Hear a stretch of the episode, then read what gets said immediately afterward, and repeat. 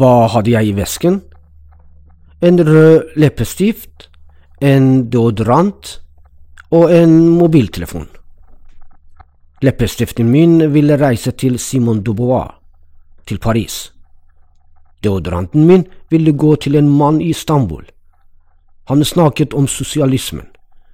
Han babla så mange ord at han blei vanvittig og døde på et mentalsykehus. Hans kjæreste var troende katolikk i Tonsberg. Mobiltelefonen min ønsket å omfavne alle menn og kvinner som blei skutt, fengslet, torturert og drept i antiregjeringens opprør rundt i verden. Men nå, nå leser jeg stykket mitt, Rebellion of a Rebel Girl.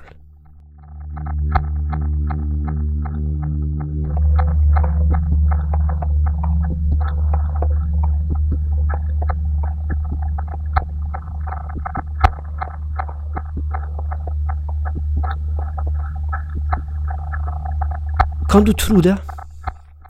Kan du tro det at jeg ser på kvinner i krig?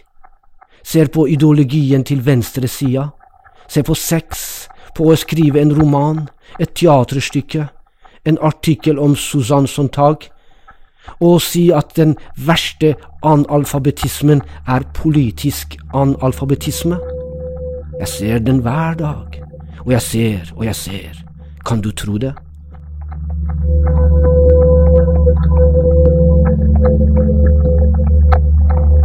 For en time siden følte jeg hjerteslaget ditt rett ved siden av hjertet mitt. Drømmen om å være med deg lever i meg. I disse dager er jeg en drøm utenfor rekkevidde, og jeg er knust i disse dager. Hjertet mitt er i uro.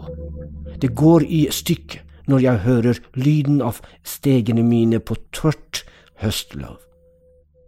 Med lukten av hver dråpe regn med berøring av hver bris og hvert snøfnugg. Og jeg, jeg drukner stille i denne sovnen som jeg ikke vet hvor våkner.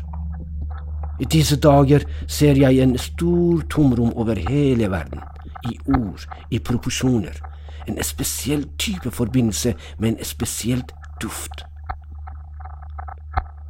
Dette manglede ordet er det samme tapte forholdet mellom deg og meg, som forholdet mellom blå og himmelen, som avhengigheten av regn på havet, som forholdet mellom muld og jord.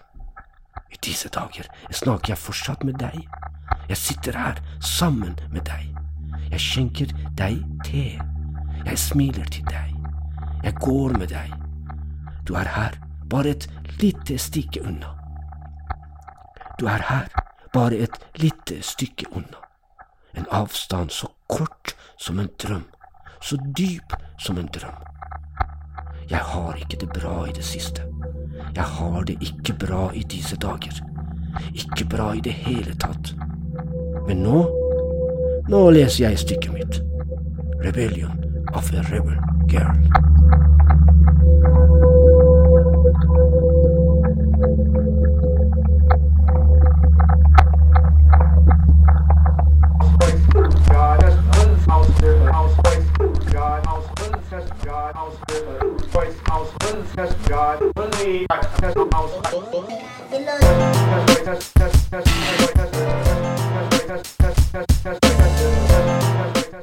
Velkommen til den andre podkastprogrammet vårt. Vi har forberedt denne podkasten i to deler. Vi inviterer deg til å lytte til den første delen av denne podkasten. Dagens gjest er Mine Nilay Yalchin. Mine er teaterregissør og student ved KIO. Eh, tusen hjertelig takk, Mine, at du kunne komme. Eh, I dag er eh, lørdag, og så fikk jeg hørt at du har jobba på KIO i dag. Hva du jobber med nå der på en lørdag? Um, jeg har vært der i en ukes tid og jobba med scenografien til uh, masterprosjektet mitt, som uh, skal være i mai. Um, som heter Sirkus Grønland. Som skal bli et gateteaterprosjekt her på Grønland i begynnelsen av mai. Uh, hvor mange folk har du med deg? Det er uh, mange. Uh, jeg tror jeg, jeg har ikke helt oversikt, men jeg tror vi blir som 18 skuespillere til sammen. Og så scenografer og kostymører og ja. Alle. Det blir en stor gjeng. Ja, når du tar mastergrad i, på KIO, så har du mulighet til å ta med deg mest mulig folk, det du trenger. Eh, Det er ikke alltid så lett. Eh, Man får liksom et budsjett på en måte, eller hvis ikke så må du finne egne samarbeidspartnere. Og nå er jeg så heldig at jeg får lov til å jobbe sammen med Nordic Black Theatre. Og får lov å jobbe sammen med Nordic Black Express, som skal bli med inn i prosjektet. Så da får jeg jo masse kreative, kule folk og dyktige skuespillere til å bli med. Ja, og du begynte jo selv på Nordic Black. Ja. Eh, vi går tilbake. Hvordan var det hvordan du starta på Nordic Black Express som en elev, og når var det, og hva som skjedde? Um, jeg hadde nettopp vært uh, et halvt år i København og gått på en annen teaterskole der, som het Komediaskolen. Ehm, akrobatikk, klovning, komedie lært eh, litt sånn Le Coq-inspirert skole. Um, og så kom jeg tilbake igjen til Oslo, og da var det vel faktisk uh, søsteren min som hadde møtt Sara Baban, som uh, vi kjente fra Tønsberg, som gikk på Nordic Black Express, og hun hadde skrytt masse av skolen og sa at jeg burde søke der. Så da søkte jeg. Og da fikk jeg møte Nadir Gendos og Ann Magd Børresen og var på audition. Og husker jeg eh, spilte en eh, låt som jeg hadde skrevet selv, og gjorde en monolog av Frøken Julie av August Strindberg. og så kom jeg inn, og det var topp. N når var det? Mm, Jeg begynte i 2005. Eh, Gikk ut i 2007. F før du begynte med teater, så var du eh, som politisk aktiv på skolen. Var du en sånn aktivist? Ja, ja. Fortell litt om den tida. Det var Hva gjorde du? Jeg tror jeg begynte i Press, Redd Barnas ungdomsorganisasjon. Eh, da var jeg ganske ung. Eh, 14, kanskje? Eller noe sånt. Ja, husker ikke akkurat, da. Eh, men søsteren min også var jo veldig politisk aktiv, så jeg gikk vel litt sånn i hennes eh, fotspor, på en måte. Um, og så ble jeg med i Rød Ungdom, og så ble jeg med i Antirasistisk Ungdom, og så jobba jeg masse med feminisme og antirasisme, egentlig, som var kanskje sånn hoved, hovedsakene mine, og Klassekamp Var det, var det, var det, var det mye rasisme? i Tønsberg. Tønsberg. Ja, vi hadde nok en del, eh, en del grums på den tiden, ja. Så vi gjorde mye, mye aksjoner, hadde mye demonstrasjoner. Jeg var veldig opptatt av liksom, å holde appeller. Um, brukte mye tid på, på politikken. Vi hadde mye seminarvirksomhet. Vi diskuterte mye, hadde diskusjonsgrupper. Vi gjorde liksom masse gøye ting, egentlig. Så hvor kom interessen i teater eh, inn? Ja, godt spørsmål. Men jeg har alltid vært liksom kreativ. Eller sånn glad i, glad i å opptre, glad i å skrive. Glad i sånne ting. Men eh, det startet egentlig Jeg lurer på på en måte at det starta litt faktisk med Gateteatret. Som har kommet litt grann tilbake til meg de siste årene. Um, jeg husker at vi gjorde noen veldig morsomme stunts ute på gata. Det går litt hånd i hånd med hele liksom, demonstrasjonsideen også. Um, men eh, vi gjorde en del sånn feministiske prosjekter ute på gata. Um, jeg husker vi hadde en fantastisk Jeg tror den første gateteaterforestillingen var faktisk at jeg og to andre jenter sto i pysjamas på torget, spiste Nutrilett og ropte æsj. Jeg tror det var det første møtet mitt med Gateteatret. Ehm, ja, vi lærte litt mer etterpå. Men eh, det starta veldig med liksom, politikken og hva jeg ønsket å få sagt. Og. Og så du har tatt med den, den aktivisme inn i teater. Jeg har i hvert fall alltid vært veldig opptatt av samfunnet, og at alt det jeg gjør i teatret, på en eller annen måte skal ha en eller annen form for samfunnsrelevans. Og gjerne ta opp et eller annet tema som jeg mener at det er nødvendig å snakke om, eller som jeg syns er interessant å snakke om. Ja, på forskjellige måter. Eh, hva, hva, hva, hva lærte du når du gikk på Ekspress? Og der lærte jeg mye. Um, men først av alt så lærte vi mye om teaterteknikk. Uh, hvordan være skuespiller. Men jeg lærte også veldig mye om regi. Om regifaget. Uh, Nadir Gundos inspirerte meg veldig mye i forhold til hvordan man kan jobbe med teater. Uh, hvordan vi kan lage forestillinger, hvordan bruke det fysiske, eh, kroppen. at, at, det er utrolig mye man kan gjøre med tekst og stemme. man trenger ikke nødvendigvis så mye, men det finnes masse kule ting å gjøre. ja. Og det er det du studerer nå, regi, på KIO? Jeg har fordypning i regi på master. Master på KIO. Mm. Og jeg har jobba med regi i mange år. Det er liksom egentlig det som alltid har interessert meg mest, kanskje. Selve regifaget. Og det skjønte vel også eh, Nadir tidlig på, når jeg gikk på Ekspressen også. Så ja, han hjalp meg mye med å, med å liksom finne veien inn i regifaget. Mm. Mm. Eh, du har ga inntrykk at du er interessert i kulturpolitikk. Eh, litt, i hvert fall. ja. Og så, så, er du på en måte opptatt av, av, hvem lager kunst, og hvem får se kunsten, og hvor befinner seg kunsten uh, i dag, og, uh, og, hvem definerer hva er uh, kvaliteten, hva er det kunst, og hva som ikke er kunst. Og, ja, Fortell litt om de tingene der. Hvor langt har du kommet? Har du funnet ut de tingene der? Hvor, hvor er du i den, i den, i den veien? Um, ja, det er, det er, mye, da. Det er jo et stort, stort uh, spekter, på en måte, mm. uh, inne der. Um, men egentlig kanskje det i stor grad også har startet med meg selv, da.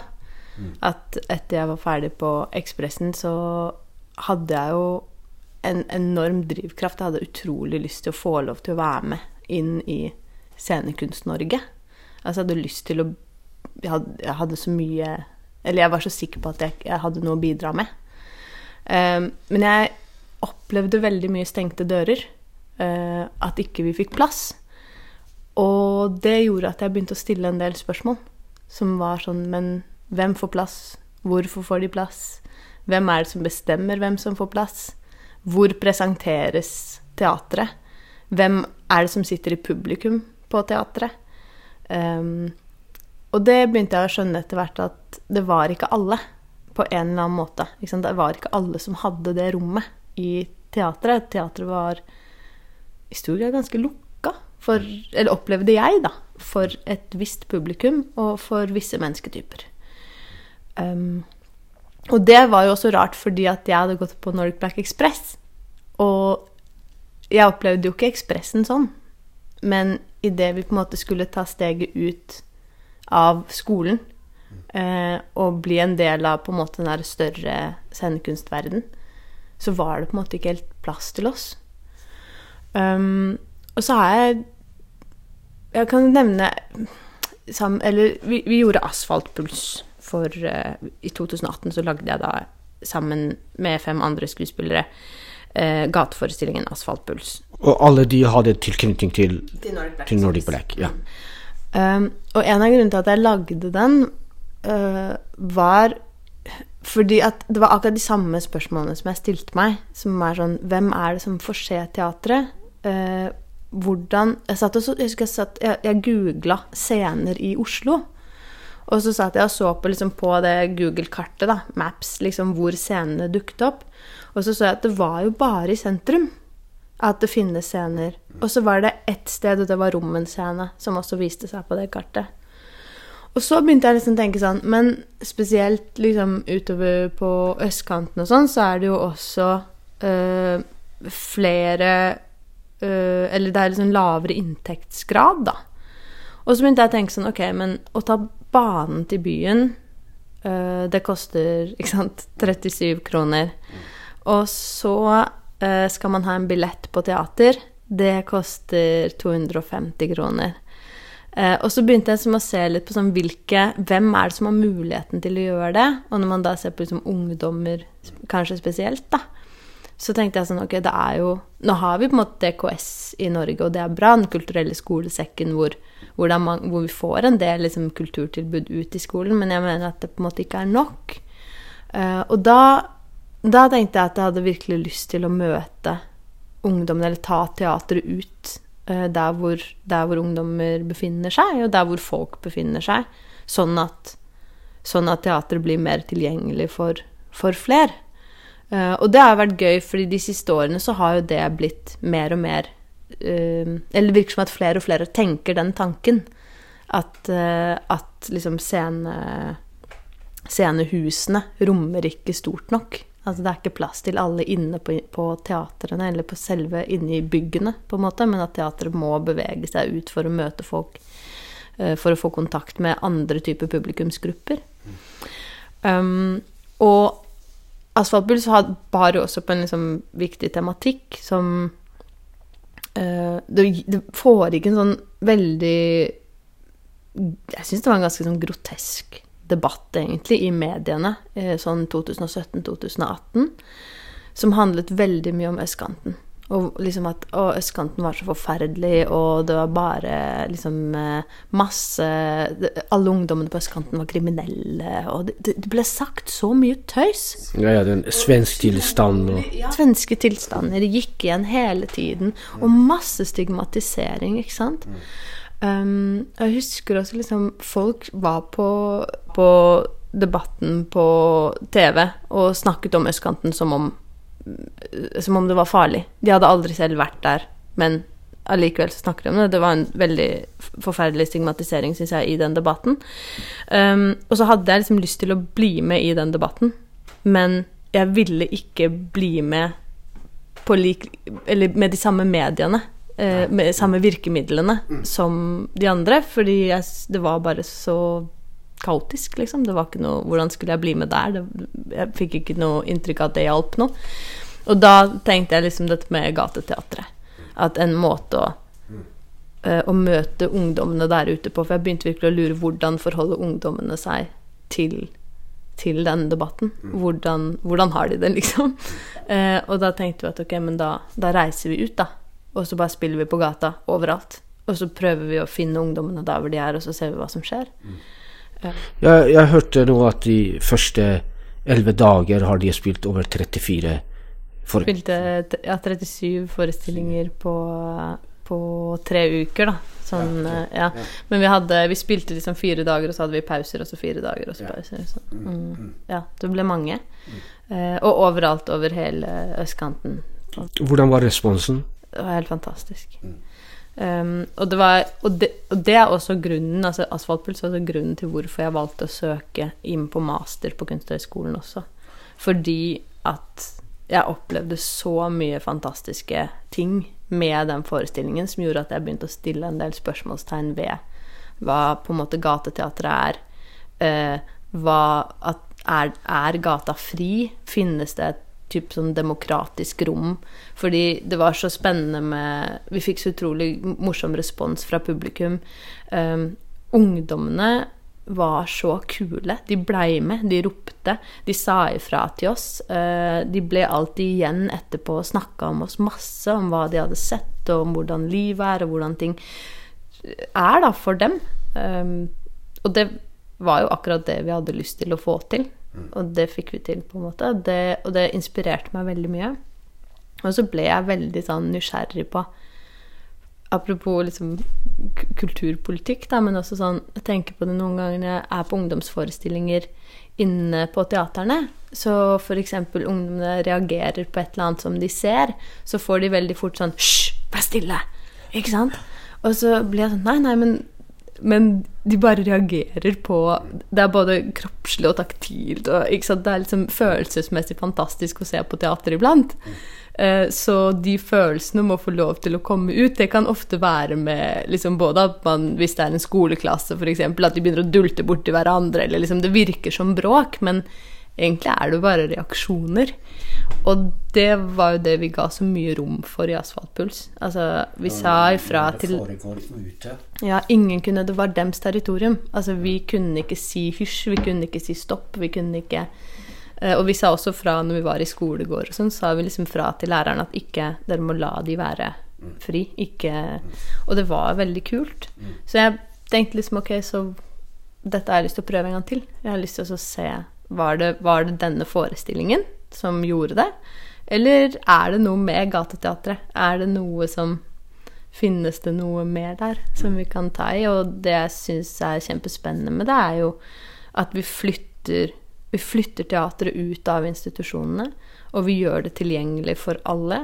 Og vi gir det et rom hvor folk kan svare og respondere på det. Både på godt og vondt. Uh, og det syns jeg er kjempespennende. Jeg har alltid liksom hatt lyst til å lage teater for folk. Og det gjør man jo på gata. Og du vet aldri hvem du møter. Nei. Jeg syns også det er gøy fordi skuespillerne blir eh, de, har, de, de, har, på en måte egentlig ikke så veldig mye definisjonsmakt ute på gata. Sant? Du står egentlig ganske sånn strippa og aleine og må på en måte bare fremføre greia di. Mm. Men, men, publikummet ditt er ikke nødvendigvis forberedt på at du skal være der Um, det er ikke sikkert de liker det du gjør. Det kan hende de elsker det du gjør. Um, det er som, som helt Du har ikke beskyttelsen til scenen. Og det syns jeg også er veldig spennende. Mm. Altså, det er noe veldig vakkert i det. Ja, det gjør både, det gjør både skuespillet og uttrykket litt mer naken. Ja. Uh, og, og, ja. og, sårbart. Og mye mer uforutsigbart. Sant? Som jo også gir, gir hele forestillingen en ekstra spenning. Mm. Som jeg, jeg syns det er veldig gøy og veldig interessant med menneskemøtene mm. som oppstår, da. Um, og kanskje sånn Ja, spesielt nå også. Vi lever også i en tid hvor det er veldig hardt debattklima. Og veldig mange sitter på internett hele tiden. Vi debatterer mye via tekst. Så de møtene som er ute, når vi bare står ved siden av hverandre på gata og møter folk vi ikke kjenner, det tror jeg Jeg tror det er viktig, da. Eller jeg tror jeg har litt sånn sansen for det. Mm. Så det er gøy. Så det er spennende.